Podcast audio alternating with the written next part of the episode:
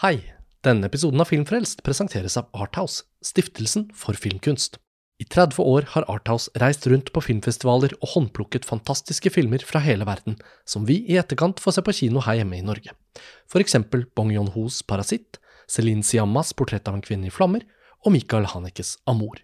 Og nå kommer endelig Aftersun, den store snakkisen fra fjorårets filmfestival i Cannes. Hovedrolleinnehaver Paul Mescal er Oscar-nominert, og norsk kinopremiere er fredag 17. februar.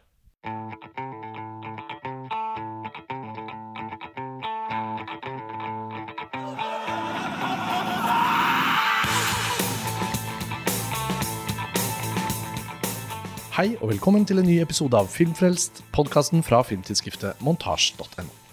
Mitt navn er Karsten Meinick, og vi er endelig på plass på filmfestivalen i Berlin igjen, etter tre års pause. Vi var her i 2020, og noen uker senere så stengte Europa og Norge ned, som alle vet. Og en pandemi og noen år senere så er filmfestivalen i Berlin for alvor tilbake sånn som det var. De har jo arrangert festival de to årene imellom, men det har vært ulike digitale hybrider osv. Men i år er det sånn som det pleier. Og med meg rundt bordet så har jeg Lars Ole Kristiansen. Hei, Karsten. Hei, Lars Ole. Mats Havorsen. Hallo. Hei, Mats. Og Pernille Middleton. Hallo, Hei, mine Pernille. venner. Velkommen, alles. Berlin har vært et slags savn. Vi tuller jo ofte med at denne festivalen også er en hoffleverandør av usedvanlig dårlige filmer eh, tidvis også. Det har vært mye humor knyttet til Berlin. Men jeg synes, da vi endelig var tilbake her nå, og de første festivaldagene har utspilt seg, så kjente jeg litt at jeg var både glad for å være tilbake, litt glad for den humoren rundt noen av de verste filmene, som man da ser her, og et par gledelige overraskelser. Så alt i alt vært veldig sånn fin start på festivalen. Og vi skal jo dekke eh, denne festivalen med noen ulike episoder. Vi starter nå med en form for sånn ja, runde på ulike filmer. Det blir ikke én film som står i fokus. Eh, Lars Ole, eh, vi, vi, måtte jo spøke mye med at vi skulle tilbake til Berlin. Eh, For programmet som ble sluppet for noen uker siden, eh, viste jo ikke akkurat de store, store berømte autørene som vi kom til å sove i kø for. Og Nei, det har vært uh, lite forhåndsbøss knyttet til uh, de fleste av titlene i programmet. Og det er kanskje vanskelig å ha noen spesifikke forventninger. Og derfor også egentlig litt tricky å velge hva man skal prioritere. Så det blir jo litt sånn at man stikker eh, fingeren opp i luften og kjenner på hvor vinden blåser eh, der og da. Ja, Pernille? Jeg bare husker det, jeg, jeg synes det er veldig morsomt å se livestreamingen av, av De skulle annonsere filmene, og så leser de opp de der Hva er det helt for noe vett, vettbever? Vettbeverb. Og jeg bare sånn hva slags, hva slags seksjon er dette? Når kommer konkurranseprogrammet? Og Ja, for du tenkte at dette kunne jo ikke være hovedkonkurranse. Nei, for det, hva er dette den sitter Ok, de leser opp ting. Oi, Petzo, er han i noen ny seksjon? Det er veldig rart. Og så da sier Karsten vettbeverg er konkurranse. Å, På nei. tysk. Ja, ja. Ja. Men det var nytt for meg. Men så er det jo interessant, ikke sant? for det du da sitter, er jo at du ser tittel etter tittel i det som er hovedkonkurransen, da, som uh, er tidvis fra veldig ukjente filmskapere, eh, noen halvetablerte osv. Men summen av alt dette er jo også at kanskje er disse årene en vei for Berlinalen å finne en stake ut en eller annen ny kurs etter uh, Dieter Koslik-æraen. Som jo er den æraen vi har forholdt oss til i alle årene Ja, vi tenkte jo aldri før. at vi kom til å savne Koslik-æraen, i og med at han var en veldig klønete programmerer. Ja, Eh, egentlig alle de årene vi har uh, vært her. Altfor mye sånn europudding i hovedkonkurransen, og eh, for mange filmer som åpenbart er inkludert bare av politiske årsaker. Mm. Og av og til av stjerneårsaker, at en eller annen megastjerne som spiller i en eh, ubetydelig film, skal komme på pressekonferanse osv. Og, så og eh, i så måte så er det jo helt utrolig at årets åpningsfilm var så 180 og 10 i den kategorien. Den skal vi kanskje komme tilbake til senere. Jeg tror ikke, skal, jeg, tror ikke jeg skal igangsette en lang eh, monolog der Nei. nå, eh, om, om, den nå. Men, men eh, ja, altså Berlinalen er jo litt sånn kinkig plassert. Fordi det har jo bare blitt tydeligere og tydeligere at autørene erfarer at gevinsten for å være i Cannes er så mye større enn å være her. Mm. At de bare har is i magen og venter. Og kommer de ikke til Cannes, så kan de komme til Venezia eller Toronto, som også da er viktige festivaler som er plassert strategisk med tanke på prisutdelingssesongen. Og så kan man si at ok, er det noen som bryr seg om prisutdelingssesongen lenger? Er det egentlig noen som bryr seg om Oscar lenger? Veldig mye tyder på Ja. at Bortsett fra Mats Halvorsen. Veldig mye tyder jo på at eh, svaret er nei, eh, og at det kanskje også er i kjempeendring. Eh, og at eh, hele måten vi liksom tenker filmåret på, kommer til å forandre seg. Men likevel, ikke desto mindre, per nå, så er det uheldig for Berlinalen å ligge i februar. Også fordi at de fleste amerikanske indiefilmskaperne De vil jo til Sundance. Og Berlinalen shopper filmer fra Sundance, men de, jeg tror ikke de kan få velge og vrake. Og eh, i det hele tatt så så blir det en eh, Det, virker som at de må, må, må, lete med lys og lykte litt, da. Og han Carlo Chatrian som tok over um, for Koslik, han har jo et programteam. Det er flere navn der som betyr mye, som jobber nå med den nye retningen Berlinalen skal i. Han kommer jo fra Locarno. Og man kan jo merke at den retningen de nå går i, er jo da mindre kjendistung og min, litt mindre tung på amerikansk film, føler jeg. Men om den retningen har fått en identitet ennå, det opplever jeg at det er ganske usikkert. Så det er ganske mye amerikansk film, men det er mye litt sånn undermåls amerikansk indiefilm. Ja, altså, de amerikanske indiefilmene som ikke kom med i Sundance, også. Inkludert de de har shoppet derfra. Eller mm, i tillegg til de de har shoppet derfra. ja, aller første gangen jeg var her, så var liksom Rob Marshalls Chicago var front and center. Yes. Dette er sykt. Eller er egentlig 20-årsjubileum i år. Det var vel 2003. Ja, nettopp. 20-årsjubileum. Eh, Gratulerer med dagen, du eller årgangen. Jeg har ikke vært her i alle årene imellom, da. Men det var da søsteren min bodde her, og jeg kunne komme hit og, og få en smak av Berlinalen. eh, og Stå i kø. Jeg hadde ikke akkreditering og sånn, så i sånn morgenkø og fikk sånn billetter til de filmene jeg ville. Men jeg var på sånn gallapremiere på Chicago, da, inne på lasset. Og det var jo en stor eh, studio, Miramax i hvert fall, eid av Disney den gangen. Stor studiofilm, endte opp med å vinne masse Oscars osv. Da var Berlinalen mye mer en del av slutten av Oscar-løpet, innspurten på en måte. Og amerikanske store Oscar-titler fikk liksom sin europeiske premiere på Berlinalen. Og det er nesten forsvunnet. Altså, The Fablemans, som jo har gått på kino noen uker hjemme i Norge allerede, vises jo her som en del av festivalens um, ærespris til uh, Steven Spielberg, med tilhørende omasj-retrospektiv og sånn. Det kommer vi mer tilbake til senere. Men summen av alt dette er i hvert fall at hovedkonkurransen, Panorama, eh, eh, det mer eksperimentelle programmet Encounters og det enda mer eksperimentelle Forum, de er her. Og det er enda mer eksperimentelle for, Forum Forum Expanded. Expanded, ja, og ikke minst barneprogrammene, da, som Berlinalen fortsatt holder fast ved som en av sine viktigste nøkler. Og der har vi jo norske filmer i år. Ja, Altså, du må tåle å se livedubbet, da. Ja da, no det var ja. Dancing Queen av Aurora Gosset som eh, hadde premiere her. Så ja. Ok, hvor skal vi starte? Um, det føles ut som kanskje vi kunne startet med Apropos at vi var litt inne på amerikansk film, at vi kunne startet med den amerikanske Indian reality, som vi alle så. Regissert av Tina Satter, som egentlig er eh, dramatiker, tror jeg. eh, som har eh, gjort fortellingen som et teaterstykke før hun filmatiserte den. Jeg sjekket ikke på forhånd hva filmen handlet om. Vi så den alle sammen på samme visning. Sydney Sweeney, særlig kjent fra Euphoria, da, også fra sesong én av White Lotus, og en del filmroller etter hvert. Hun er jo en up and coming stjerne. Hun gjør hovedrollen her, og det viser seg at det er jo tittelrollen. For når filmen begynte, i den begynte, skjønte jeg «Å, det er det det er. Det er saken om whistleblower reality winner som deler et hemmelig dokument med publikasjonen The Intercept. Eh, Det blir avslørt. Publikasjonen har i ettertid fått mye kritikk for at de eh, skjulte det dårlig, eh, hvor det kom fra. Og så har hun sittet fem år i fengsel etter det. Og filmen, ideen til hele filmen er jo da at FBI sitt lydopptak av selve ransakelsen og pågripelsen gjengis eksakt sånn som det er. Eh, Jeg husker den The Arbor til Cleo Bernard, som også er en sånn film som jeg husker jeg ble veldig fascinert av. At det var ekte lydopptak av intervjuer med mennesker som hadde opplevd det det handlet om.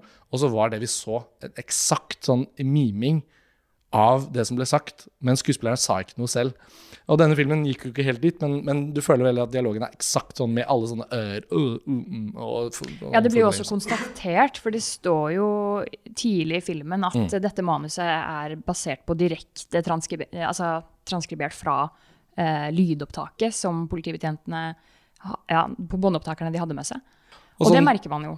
Ja, og Snowden-saken da, ikke sant, ble jo den dokumentaren Citizen Four. Det var jo akkurat historisk dokumentasjon, siden de var der og snakket med han på det hotellrommet i Hongkong. Mens her får vi en slags fiksjonell behandling som liksom også forholder seg veldig til the reality. Og hun heter jo reality, så det er litt sånn, det er litt sånn on the nose, men Føles jævlig ekte. Og jeg Ja, tenker at hvis det. ikke det hadde vært Sydney Sweeney, som er et såpass utrolig kjent fjes for oss nå, da. Hvis det hadde vært, si at det hadde vært en, ja, en litt mer ukjent uh, kvinnelig hovedrolle, så kunne man jo nesten latt seg lure om at det var dokumentarisk på et vis. Fordi det, det er også noen grep som blir tatt i filmen, at plutselig så bare kutter de jo til liksom stillbilder eh, og ekte lydopptak fra hendelsen. Så det er jo, den er jo så integrert som det overhodet går an å være i en fik fiksjonsfilm. Ja, jeg syns den var, den var veldig bra, men jeg vet ikke hvor mye visste dere om den før vi så den? Var det... Jeg visste ingenting. Nei, ikke sant. Jeg visste heller ingenting. Og, og selv om jeg skjønte på Karsten sin reaksjon at han skjønte hva dette handlet om, så var det fortsatt helt sånn ukjent for meg. Og, det, gjorde at jeg hadde en veldig sånn uggen følelse i starten der. Fordi at selv om de introduserer seg som FBI, så vil de aldri liksom helt vise den ransakelsesordren. De bare sier at de har den. Og så kjente jeg veldig på en sånn Å, jeg skjønner ikke om dette er Er det, er det real, eller er er det ikke real? tull? Er det ikke? Mm, jeg fikk en Jeg tenkte en del på den eh, filmen 'Compliance' fra 2012, eller noe sånt. Hvor, som det handler om eh, noen som blir lurt til å tro at politiet eh, snakker med dem. Eh, jeg, så jeg satt litt med den derre Hvem er det egentlig som er skurken her? Er det en reality, eller er de egentlig ikke FBI? Og det skapte en veldig sånn uro i meg som jeg ikke egentlig har kjent på så mye før i, i film. Og den- den usikkerhet, er. Den usikkerheten blir jo også veldig effektiv når du sitter og ser filmen og du ikke kjenner til saken. Fordi det finnes jo mange en sånn whistleblower-ting. Og jeg skal bare si at jeg sitter ikke og nileser alle de sakene. Jeg visste ikke om henne engang, liksom. Men jeg skjønner jo at sånne ting skjer. Så det å ikke vite at Eller den, den filmen forteller jo at det er en sånn historie. Men jeg vet ikke utfallet. Og om, som du sier, om hun er skurken, eller om dette er fake FBI, eller Og det er jævlig ubehagelig å ikke vite det. Ja, fordi det første som skjer, er en tekstplakat som sier 'Dette er transkribert fra FBI sine lydopptak'. Det glemte jeg med en gang, og så var jeg sånn Nei, dette stoler jeg Ja, ikke på. det er akkurat det. Jeg stoler ikke på de Ja. mennene. For det er et eller annet med måten de formulerer seg på, hva de sier, De hvordan de behandler henne, som gjør at jeg blir sånn De er, jo- ja, for de er, ikke, de er passivt aggressive, føler jeg. Men sånn overhyggelig Ja, prøve på dem det. sånn Liksom. Og de graderer seg for hele situasjonen. I det, situasjonen. Er Veldig. veldig ubehagelige. Og unødvendig mange. De er liksom sånn på et punkt 15 stykker der. Liksom. Ja, og det er jo- veldig virker helt film, forferdelig. Filmskaperen har lyktes veldig godt med å la det skje bit for bit. Ja. Sånn at man får ikke helt Veldig. følelsen. Så plutselig ruller det opp en bil til, så å ja, det er Ja. litt mer. Og også når hun så vidt bare nevner sånn Ja, hunden min er inne, så skal hun liksom bare til å gå mot døren. Og da plutselig sånn brått stiller de seg i veien for henne. Så er det sånn, oh, ja, ok. app, app. Altså Den ydmykelsen nå på en måte det innebærer å bli liksom fratatt myndigheten i ditt eget hjem, sånn helt plutselig, uten noe nærmere forklaring. Og så stiller de jo bare retoriske spørsmål hele tiden. Ja. Um, og realismen på en måte i dialogen her er jo påfallende, da. Og egentlig så tenker jeg jo at den er, altså den er jo på en måte en dokumentar fordi at det er rekonstruksjon. Den er jo ikke Ja. noe mindre dokumentar enn The Thin Blue Line Nei, til Errol? Morris. Skulle til å si det, ja. Så alle bildene er på en måte lagd, mm. men siden det er så dokumentarisk råstoff, så kan man faktisk stille det spørsmålet. Tenker, men så, og så kan man eventuelt forhøre seg med dokumentarfilmteoretiker Bill Nichols om den passer inn i en av hans uh, Må gå i pensum.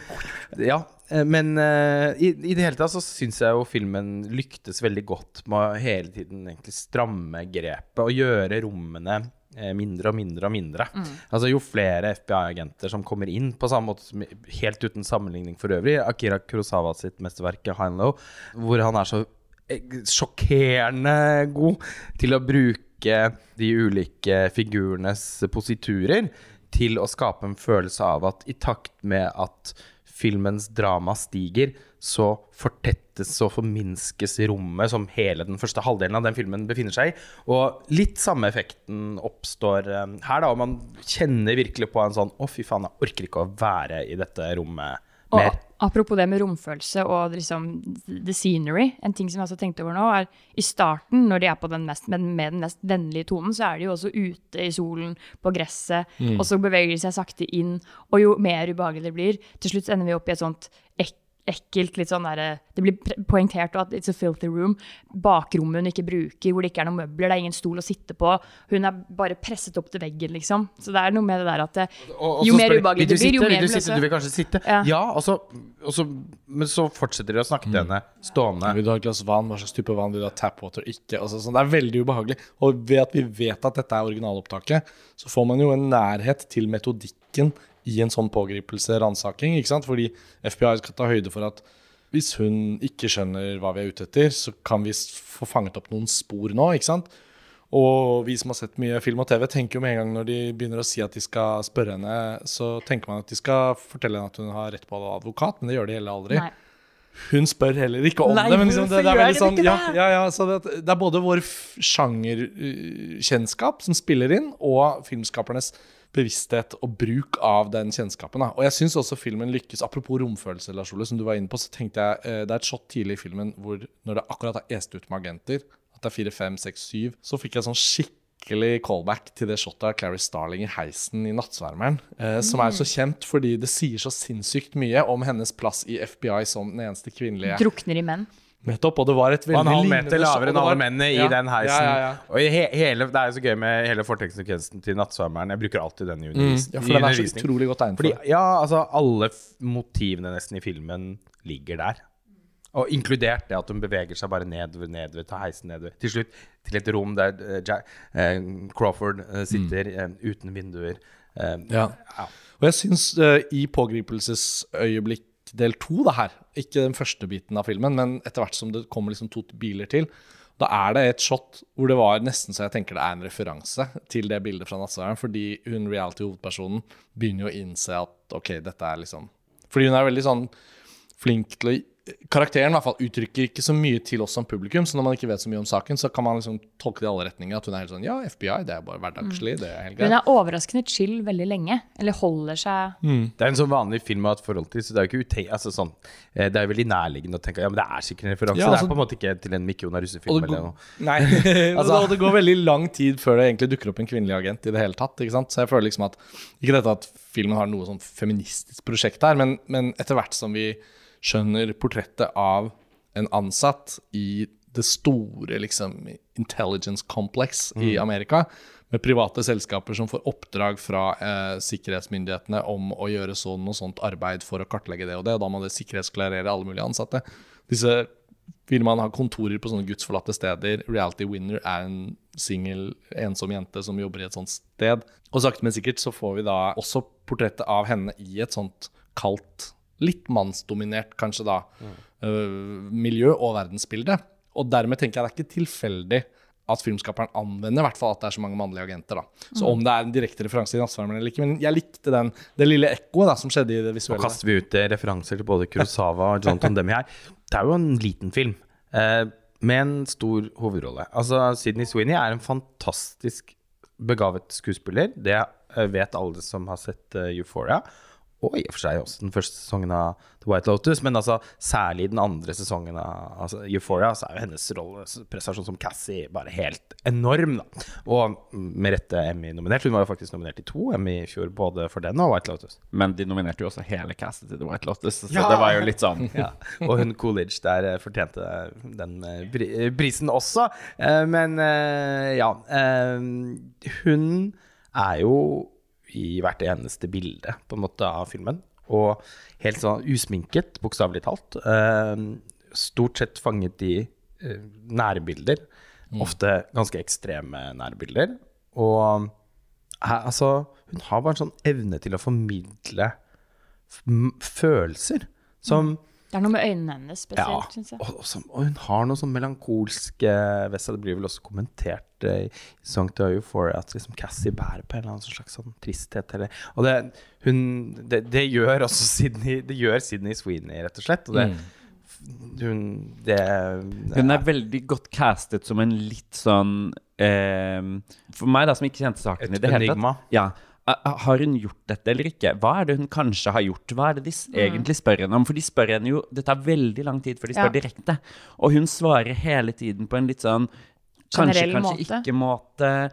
Er med på alt, på en måte, men gir dem ikke noe Så hun er veldig god på å lure oss også. Ja, ja. Sånn, vi blir også nysgjerrig. Mm. Jeg vil bare legge til én ting til på den. Han hoved-FBI-fyren som stiller henne flest spørsmål, spilles av Josh Hamilton, som mange kanskje husker fra eh, 8th grade. Han er, der er han jo bare sånn utrolig flott og fin og sympatisk. Det var en rar kontrast å se Han han nå som denne. faren i Ja. Han er en veldig fin skuespiller, og jeg syns han er, har en sånn varme over seg som gjør at det, det var litt sånn imponerende at han nå var i denne type rolle. ja, for her var han ikke spesielt varm. Nei, her var jeg livredd fyren. han har en sånn åh, Han har en sånn spillestil som jeg kan forbinde med en bestemt type amerikansk indiefilm som jeg har veldig sans for. Altså Han hadde gått rett inn i casten på en Miranda Jolie-film. Fra Altså, han kunne vært i Me and You and Everyone We Know.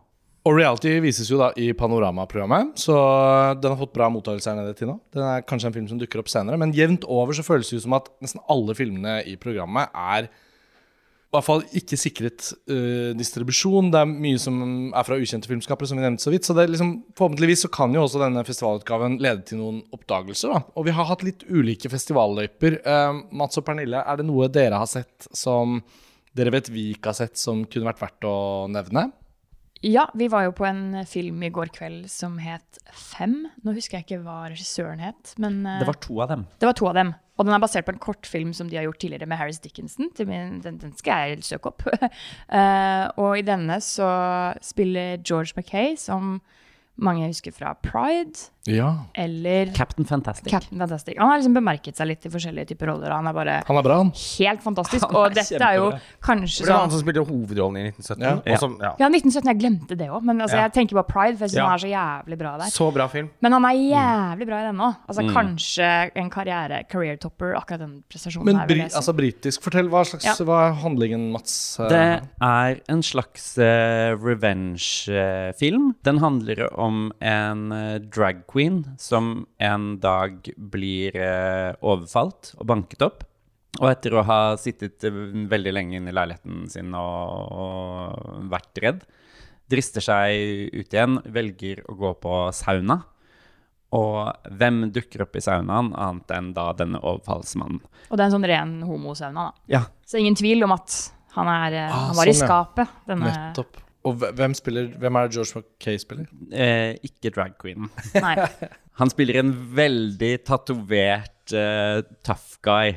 Han ser ut som en hooligan, liksom. Ja, veldig. Han kaller seg selv thug underveis, Ja. liksom. Og er en langer og eh, har, bor i den mest sånn skittige leiligheten. Har de mest skittige vennene. Er vi i bank- London? bank- ja Nei, jeg tror det er litt sånn annet sted i utkant. Storbritannia. Det er en britisk by, men jeg tror ikke det helt blir sagt. Men det føles ikke London i det hele tatt. Det er mer sånn Mm. outskirts en plass. Lite byliv og ja. Men eh, nei, han, de er bare sånn utrolig, en gjeng med sånn utrolig uspiselige bøller som banker opp folk for gøy og lar seg veldig lett provosere, da. Han sier det selv i løpet av filmen. Sånn, han har masse raserianfall og sier sånn If you surprise me, I will come at you. Og ikke i den forstand, men ja, angripe. Så hvordan blir da denne duoen videreutviklet fra å være sånn offer, overgrepsmann Blir det et umulig vennskap? Nå spekulerer jeg bare. Det. Ja, jeg syns jo setupen er bitte lite grann sånn skrevet, og det, Mm. man har veldig lyst til å komme til et sted, og så må man bare gjennom at sånn Da må det skje, og så må det skje, og så må det skje.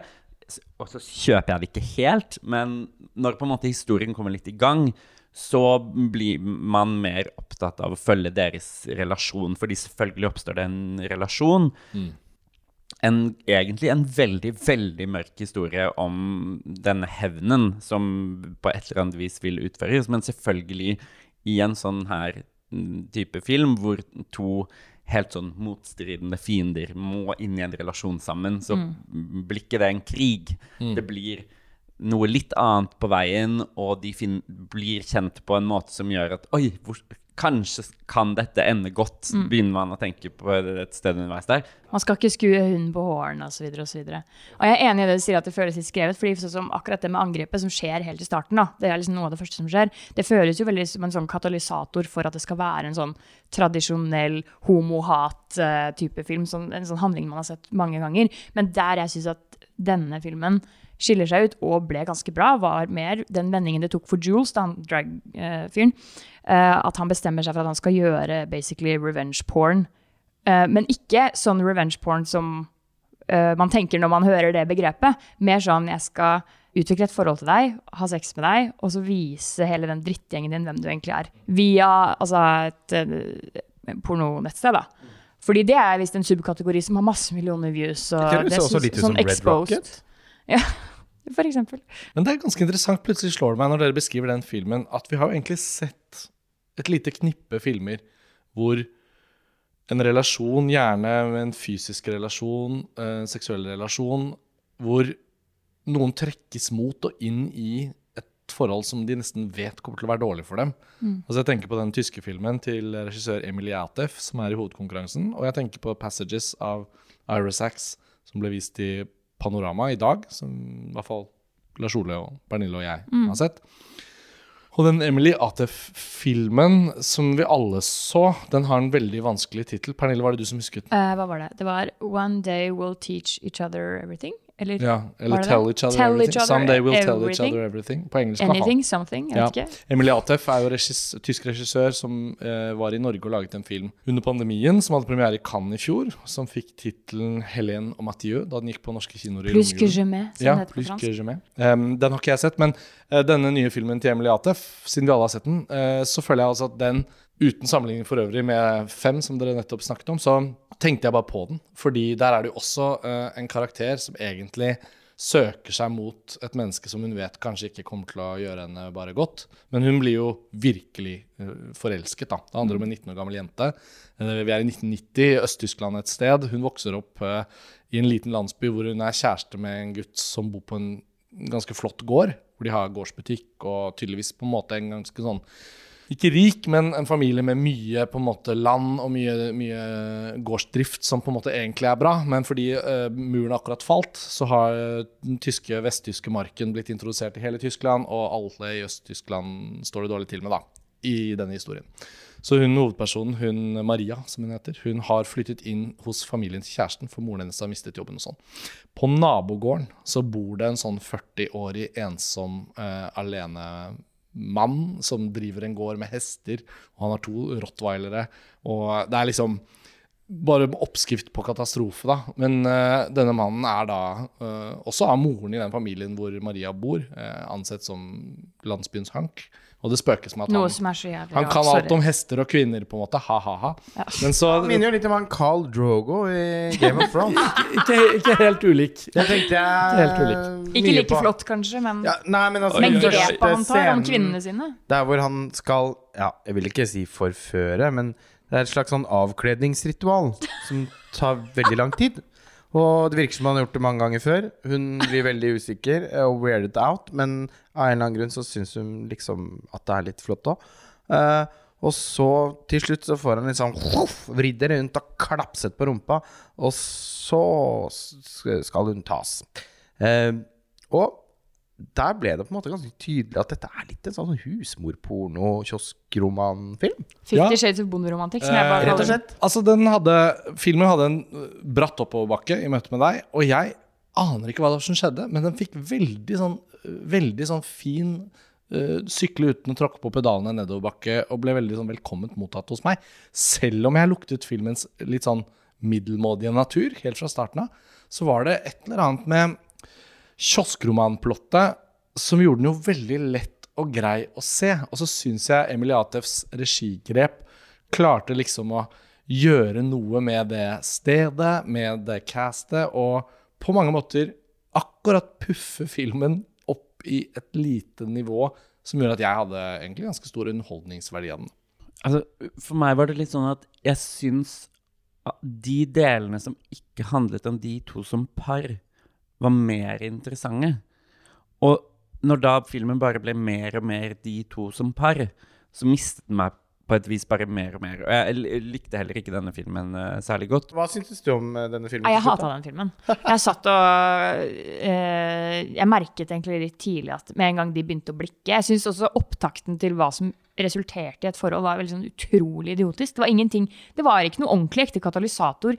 Ikke Nei, noe liksom, det var nesten, Har de møtt hverandre på Tinder, eller? Men ja, altså, nei, men den Kunne det da ikke vært i det minste en eller annen altså. situasjon som var lagt inn hvor han var en helt? Ja. Han kom henne til unnsetning. Han eh, var med ljå og tok noe høy i bar overkropp og var veldig sexy. Ja. Et eller annet som bare gjorde at vi forsto at hun lystet etter ham. Det var helt Jeg kan ikke skjønne det, fordi hadde han i det minste vært heit? He ain't. Hvis relasjonen i fem var skrevet, så var i hvert fall denne det. For der er det bare sånn Én, to, tre, nå liker dere hverandre. Hæ? Og hvor kom det fra? Nei, jeg vet ikke. Han, og- han er kjempeskummel. Han er creepy Ja, jeg fyr, syns også liksom. han var veldig skummel. Men, men jeg, og de var veldig underlige, disse Ja, om man kan kalle det sexscener eller overgrepsscener. Eh, men, eh, men det var jo med et slags samtykke, da. Eh, Absolutt. Det var samtykke. Ja, ja, ja, jo da. Ja. Hun var 19, han var 40. Det er det som Og han drev med hester og hadde rottweilere. Hun drar frivillig tilbake gang på gang. Ja da. Ja, jeg bare så liksom for meg at hvis hun hadde dukket av gårde underveis, hadde vel de rottweilerne hans flerret henne opp. Eh, Men jeg hadde også en annen innvending mot filmen. Da, eh, jeg syns at den var så utrolig slapt skrevet. Altså, jeg kan ha veldig store problemer med filmer eh, der det er relativt lange dialogsekvenser hvor det ikke er noe glede å finne i dialogen. Altså, det er ikke morsomt, det er ikke spennende, det er ikke noe veldig klokt som ble sagt. Jeg, jeg opplever ikke at det er spesielt lærerikt. Det var veldig mange scener hvor de liksom bare satt og snakket litt om sånn gårdsdrift og noe med Og situasjonen i Øst-Tyskland. Jeg synes det var dørgende kjedelig. Så at du satt og lengtet tilbake til de scenene mens. Carl Gogo holdt på, det sier på en måte alt om filmen. Ja, jeg syns jo egentlig det hang ganske bra sammen, eh, alt dette vi nå snakker om. Og jeg syns likevel filmen var middelmådig, så det er jo ikke sånn at jeg prøver å Ja, det er godt. Ja, altså, Det er jo bare å le av selvfølgelig at jeg omfavner denne filmen eh, litt mer enn dere. Men eh, jeg mener det litt, og jeg tenker sånn I og med at vi skal løpe videre til film straks, så tenker jeg vi kan oppsummere med at jeg tenker at en film som dette, når den ikke er trainwreck, og når den har egentlig en del ting på hjertet om en situasjon i Øst-Tyskland som folk interesserer seg for fordi det har noe med Europa og historien å gjøre, og fokusere på en sånn relasjon som, som drives av noe som egentlig publikum har et litt øye for. da. Når det er en form for sånn erotisk ladet relasjon, så tror jeg egentlig det kan være publikumsvennlig på et visst plan. Når det er sagt, jeg tror du har rett, Lars Ole. Listen senkes plutselig voldsomt. Åpningsfilmen var jo så terningkast én som du får det, og da blir man plutselig, i hvert fall jeg, da, var litt sånn mottagelig for noe som bare var bitte litt bedre. Ok, vi skal av gårde, men eh, jeg tror vi samles alle vi fire til neste episode også. Så da, for lytternes del, så blir det jo som de å høre oss Vi bare fortsetter samtalen, tror ja, jeg, i neste ja, ja. episode. Vi løper til U-banen. Uh, Berlinalen fortsetter. Vi er i gang. Vi høres snart igjen på podkasten. Lars Ole, Mats, Pernille. Takk for at dere tok dere tiden. Jeg syns det lover godt for en bra festivaluke. Takk for nå. Ha det bra. Ha det. Ha det.